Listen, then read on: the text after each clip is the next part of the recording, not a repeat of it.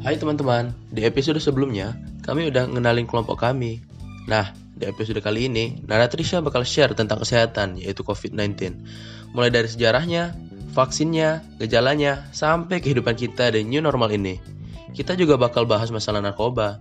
Nah, pasti udah gak sabar kan? Ini dia, Potera, podcast kesehatan ITERA. Jadi di sini gue bakal ngebahas dulu nih pengertian COVID-19. Siapa tahu dari teman-teman kalian yang lagi dengerin Potera kali ini ada yang belum tahu kan pengertian COVID-19 secara spesifik itu kayak apa sih gitu. Oke, langsung aja. COVID-19 adalah penyakit menular yang disebabkan oleh jenis coronavirus yang baru ditemukan. Coronavirus sendiri itu adalah suatu kelompok virus yang dapat menyebabkan penyakit pada hewan atau manusia. Beberapa jenis coronavirus diketahui menyebabkan infeksi saluran nafas, pada manusia mulai dari batuk pilek hingga yang lebih serius seperti MERS dan SARS. Virus baru dan penyakit yang disebabkannya ini awalnya tidak dikenal sebelum mulainya wabah di Wuhan, Tiongkok pada bulan Desember 2019. COVID-19 ini sekarang menjadi sebuah pandemi yang terjadi di banyak negara di seluruh dunia, termasuk di Indonesia. Nah, di sini saya ingin menjelaskan masa inkubasi COVID-19 menurut WHO atau disebut juga World Health Organization menyebutkan masa inkubasi corona atau COVID-19 ini mencapai 1 sampai 14 hari. Tetapi WHO juga menemukan banyak kasus COVID-19 dengan masa inkubasi cuma 5 hari. Dan masa inkubasi COVID-19 di Indonesia adalah 5 sampai 6 hari. Nah, di sini gue bakal ngejelasin nih Gimana sih gejala-gejala COVID-19 ini? Tentunya kita tahu ya, masing-masing orang tentunya memiliki respon yang berbeda terhadap COVID-19. Sebagian besar orang yang terpapar virus ini akan mengalami gejala ringan hingga sedang dan akan pulih tanpa perlu dirawat di rumah sakit. Gejala yang paling umum seperti apa sih? Gejala yang paling umum itu demam, batuk kering, serta kita itu ngerasa kelelahan gitu. Gejala yang sedikit tidak umum seperti rasa tidak nyaman dan nyeri, terus tenggorokannya nyeri, diare, matanya merah, sakit kepala, hilangnya indera perasa atau penciuman, hingga ruam pada kulit. Nah, gejala yang serius itu seperti sesak napas, nyeri dada, sampai hilangnya kemampuan berbicara atau bergerak. Nah, jika teman-teman ngalamin gejala-gejala seperti itu, segera cari bantuan medis ya. Penyakit ini dapat menyebar dari orang-orang melalui tetesan kecil atau droplet dari hidung atau mulut pada saat batuk, bersin, atau berbicara. Bisa juga seseorang terinfeksi COVID-19 ketika tanpa sengaja menghirup droplet dari penderita. Inilah sebabnya mengapa kita penting untuk menjaga jarak hingga kurang lebih 1 meter dari orang lain. Bagaimana membedakan antara sakit yang diakibatkan oleh infeksi COVID-19 dengan influenza? Jadi pada dasarnya kedua penyakit ini memiliki gejala yang sama, seperti batuk, pilek, dan demam. Nah, walaupun gejalanya sama, tetapi penyebab virusnya itu berbeda. Jadi kita sulit untuk mengidentifikasi kedua penyakit tersebut. Nah, bagaimana caranya untuk mengetahui apakah seseorang terkena COVID-19 atau tidak? Caranya adalah melakukan pemeriksaan medis yang akurat serta pemeriksaan laboratorium. Dengan begitu, kita akan tahu apakah seseorang terinfeksi virus COVID-19 atau tidak. Selanjutnya banyak juga nih yang nanya gue, berapa lama sih waktu yang diperlukan sejak tertular atau terinfeksi hingga muncul gejala penyakit COVID-19? Nah, sebelumnya kita harus tahu dulu nih, waktu yang diperlukan sejak tertular atau terinfeksi hingga muncul virus corona itu disebut masa inkubasi. Nah, jadi saat ini masa inkubasi COVID-19 diperkirakan antara 1 sampai 14 hari. Jadi antara satu hari sampai dua minggu gitu. Dan perkiraan ini dapat berubah-berubah sewaktu-waktu sesuai perkembangan kasus ke depan jadi bisa aja berkurang ataupun bertambah. Nggak nggak sesuai jari 1 sampai 14 hari tadi. Bisa aja 20 hari atau berkurang jadi 7 hari gitu sih. Siapa aja sih yang lebih berisiko tertular virus corona? Sebenarnya siapa saja bisa tertular dan menularkan virus corona. Laki-laki dan perempuan orang dewasa anak-anak hingga lansia Semuanya bisa berpotensi terpapar. Namun, ada beberapa kelompok yang cenderung lebih rentan terkena virus corona, seperti mereka yang mengidap penyakit diabetes, kanker, HIV, dan gangguan pernapasan lainnya. Total kasus COVID-19 di dunia terkonfirmasi sebanyak 25,8 juta kasus. Dari jumlah tersebut, sebanyak 18,1 juta pasien telah sembuh dan 860.243 orang meninggal dunia. Berikut 5 negara jumlah kasus virus corona terbanyak. Yang pertama Amerika Serikat dengan kasus 6,2 juta. Yang kedua ada Brazil dengan kasus 3,9 juta. Yang ketiga ada India dengan kasus 3,7 juta. Yang keempat ada Rusia dengan kasus 1 juta dan yang terakhir Peru dengan kasus 657.129. Kemudian ini ada beberapa cara untuk menghindari penularan virus corona atau yang sering kita sebut COVID-19. Yang pertama yaitu menjaga kesehatan dan kebugaran tubuh. Yang kedua mencuci tangan atau gunakan hand sanitizer.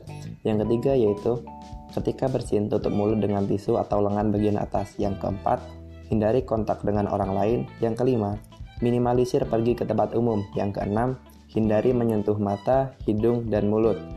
Yang ketujuh, gunakan masker dengan tepat. Dan yang terakhir, jangan lupa untuk selalu pantau perkembangan COVID-19. Pemakaian masker saat ini diwajibkan untuk semua orang, baik orang sehat maupun orang sakit. Hal ini untuk melindungi diri dan orang lain dari penularan COVID-19. Orang sehat menggunakan masker kain saat hendak keluar rumah dan juga bagi orang yang dicurigai seperti ada gejala batuk, bersin, dan juga kepada para petugas kesehatan harus menggunakan masker bedah.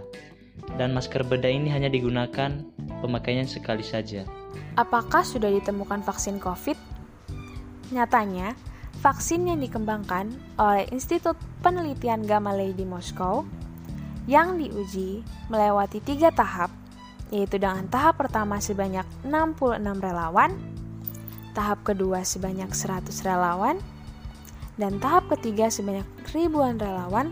Namun vaksin tersebut masih berada pada tahap pertama dan belum menunjukkan perkembangan pada tahap selanjutnya. Nah, dari pemaparan-pemaparan yang udah kita jelasin tadi, pastinya teman-teman di rumah sekarang udah paham ya pemaparan kami mengenai COVID-19 tentang masa inkubasinya, gejala-gejalanya, bagaimana sih manusia itu bisa terinfeksi COVID, siapa yang berisiko terkena COVID, cara mencegahnya, dan lainnya. Kita tentunya nggak bisa terus diam di rumah aja ya teman-teman tanpa melakukan aktivitas. Oleh sebab itu, kita sekarang udah masuk di era new normal. Nah, apa sih new normal itu? New normal adalah skenario untuk mempercepat penanganan COVID-19 dalam aspek kesehatan dan sosial ekonomi. Pemerintah Indonesia telah mengumumkan rencana untuk mengimplementasikan skenario new normal dengan mempertimbangkan studi epidemiologis dan kesiapan regional. Panduan new normal di antaranya usahakan berada di luar ruangan, jalani pola hidup bersih, menggunakan hand sanitizer, pakai masker, jangan sembarangan nyentuh benda, dan masih banyak lagi. Pada dasarnya, panduan menjalani new normal dalam menghadapi COVID-19 memerlukan perhatian dan kewaspadaan tinggi. Mencuci tangan dan menjaga jarak dengan orang lain kini sudah menjadi kebiasaan baru yang perlu dilakukan demi mencegah penularan. Masyarakat diimbau untuk menjaga kebersihan di mana pun dan kapan pun Anda berada, oke? Okay? Selanjutnya aku bakal ngejelasin nih, gimana sih tips menghadapi new normal? Yang pertama itu, Selalu gunakan masker setiap keluar rumah. Sesuai saran dari dokter Indonesia, mengatakan bahwa kita perlu mengenakan masker di tempat umum. Dengan mengenakan masker, kita diharapkan memperlambat dan mencegah penyebaran virus ini sob. Jangan sampai lupa pakai masker ya sob. Kondisi normal ini membuat kita terpaksa akan lebih sering berada di luar rumah. Kita semua akan kembali bersentuhan dengan apa pun yang ada di sekitar kita.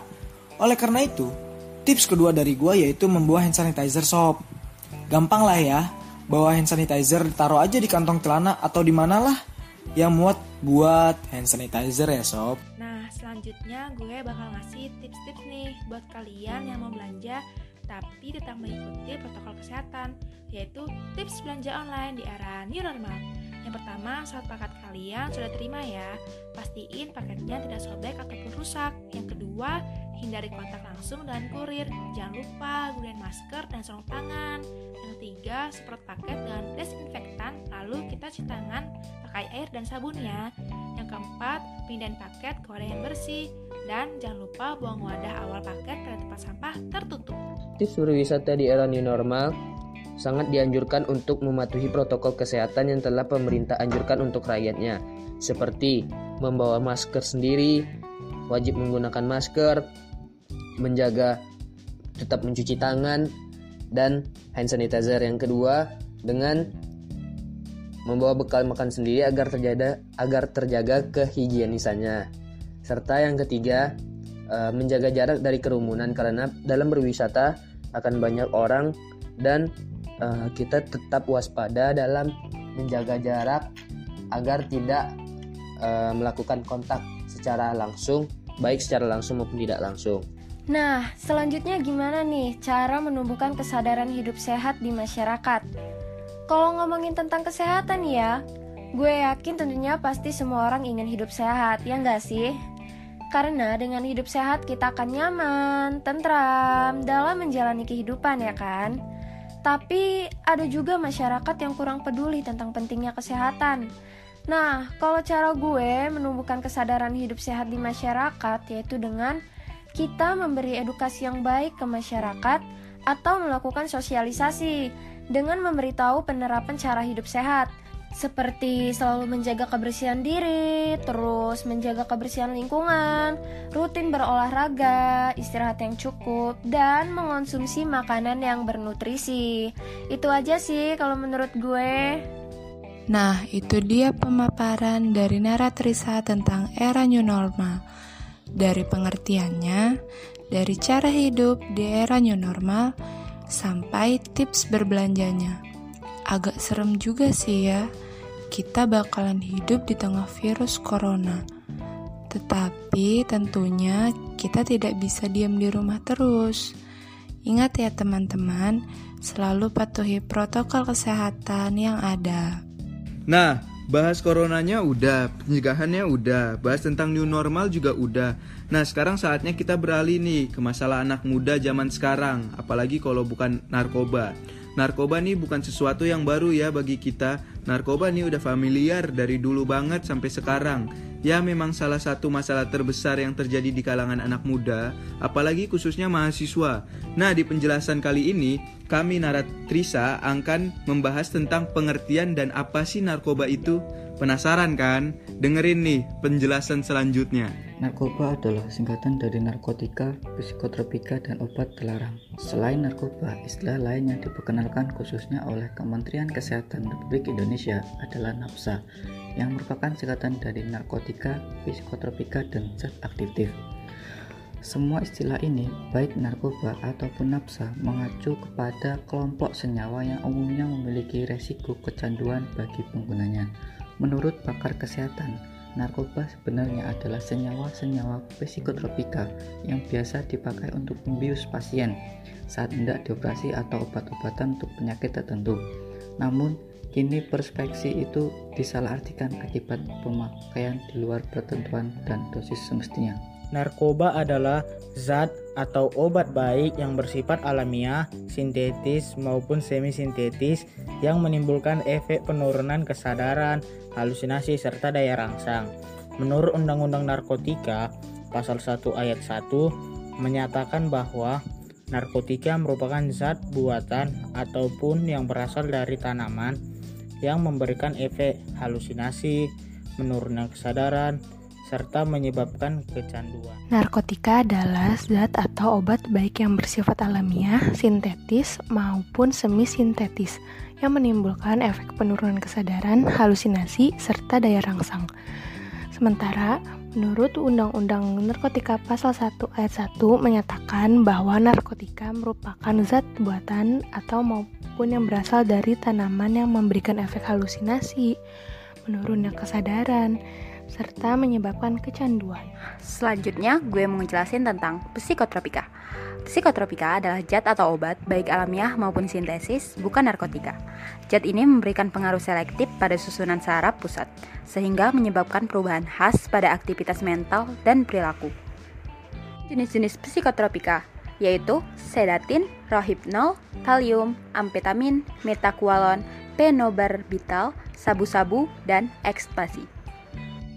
Menurut definisi para ilmuwan, Zat adiktif adalah zat aktif yang jika dikonsumsi oleh organisme hidup, maka dapat menyebabkan kerja biologi serta menimbulkan efek ketergantungan atau adiksi yang sulit dihentikan. Terbagi atas tiga jenis, yaitu zat adiktif bukan narkotika dan psikotropika, zat adiktif narkotika, dan zat adiktif psikotropika. Ada berita terkini tentang narkoba di Indonesia. Nah, jadi Kepala BNN Republik Indonesia mengatakan bahwa kasus peredaran narkotika di masa pandemi saat ini demennya tetap tetapi untuk peredarannya menurun. Hal itu dikarenakan ketatnya pengawasan di perbatasan. Sebenarnya, yang lebih ditakutkan oleh BNN adalah masuknya narkotika jenis baru hasil sintetis atau new psychoactive substance karena saat ini terdapat 960 jenis NPS di dunia, sedangkan yang terdaftar di Indonesia baru 78 jenis. Pada pasal 127 ayat 3 Undang-Undang Narkotika menyebutkan setiap orang penyalahguna narkotika golongan 1 seperti ganja, sabu-sabu, kokain, heroin, dan lain-lain bagi diri sendiri dipidana dengan pidana penjara paling lama 4 tahun. Kemudian pengguna narkotika golongan 2 seperti morfin dan pertidin bagi diri sendiri dipidana dengan pidana penjara paling lama 2 tahun. Terakhir, pengguna narkotika golongan ketiga seperti kodein bagi diri sendiri dipidana dengan pidana penjara paling lama satu tahun. Nah, kali ini gue bakal nyebutin beberapa ciri-ciri pengguna narkoba. Yang pertama itu perubahan penampilan fisik. Yang kedua, kesulitan untuk menikmati berbagai aktivitas. Yang ketiga, suka berbohong atau mem atau memanipulasi. Nah, yang keempat itu mereka mudah sakit. Yang kelima, merasa malu dan bersalah. Yang keenam, sakau. Yang ketujuh, tidak bertanggung jawab. Dan yang kelapan ini, suasana hati yang berubah-ubah. Bahaya narkoba sudah tidak dapat diragukan lagi. Sayangnya, penyalahgunaan obat-obatan terlarang ini makin marak di seluruh Nusantara. Bahaya narkoba khususnya untuk mahasiswa. Contohnya ialah gangguan sistem syaraf yang akan mengganggu proses pembelajaran. Mahasiswa akan terganggu saat melakukan masa perkuliahan. Mari jauhi narkoba dan marilah hidup sehat. Kesehatan itu sangat penting sekali bagi kehidupan. Kita harus selalu menjaga kesehatan, ditambah lagi dengan situasi seperti sekarang ini. Kesehatanlah yang menjadi satu-satunya faktor utama bagi hidup kita. Namun, apabila kesehatan yang telah kita jaga selama ini telah terkontaminasi dengan adanya narkoba, maka bukan hanya kesehatanmu saja yang sirna, tetapi masa depan yang telah kamu impikan selama ini akan hancur begitu saja. Cara untuk menjauhi narkoba yaitu satu selektif dalam pergaulan, kedua memperkuat iman, Ketiga, melakukan hobi dan aktivitas yang positif. Keempat, berpikir jangka panjang, ingat masa depan, dan yang terpenting jangan pernah mencoba. Ingat ya, jangan pernah mencoba. Nah, tadi kan udah dijelasin tuh pengertian narkoba, jenis-jenisnya, dan bahaya narkoba. Bahwa narkoba itu jika digunakan tidak baik buat diri kita dan membuat masa depan kita hancur. Maka dari itu, ayo kita sebagai generasi yang cerdas, perangi narkoba. Katakan tidak pada narkoba. Say no to drugs. Dan jangan sampai narkoba merusak masa depan kita dan keluarga, apalagi bangsa Indonesia. Nah teman-teman, gak kerasa ya, waktunya sudah mau habis. Selanjutnya, kami dari Indonesia ingin pamit undur diri. Ingat, selalu patuhi protokol kesehatan dan jangan gunakan narkoba. Kami dari Nana Trisha pamit undur diri. Jauhi narkoba. Dekati janda.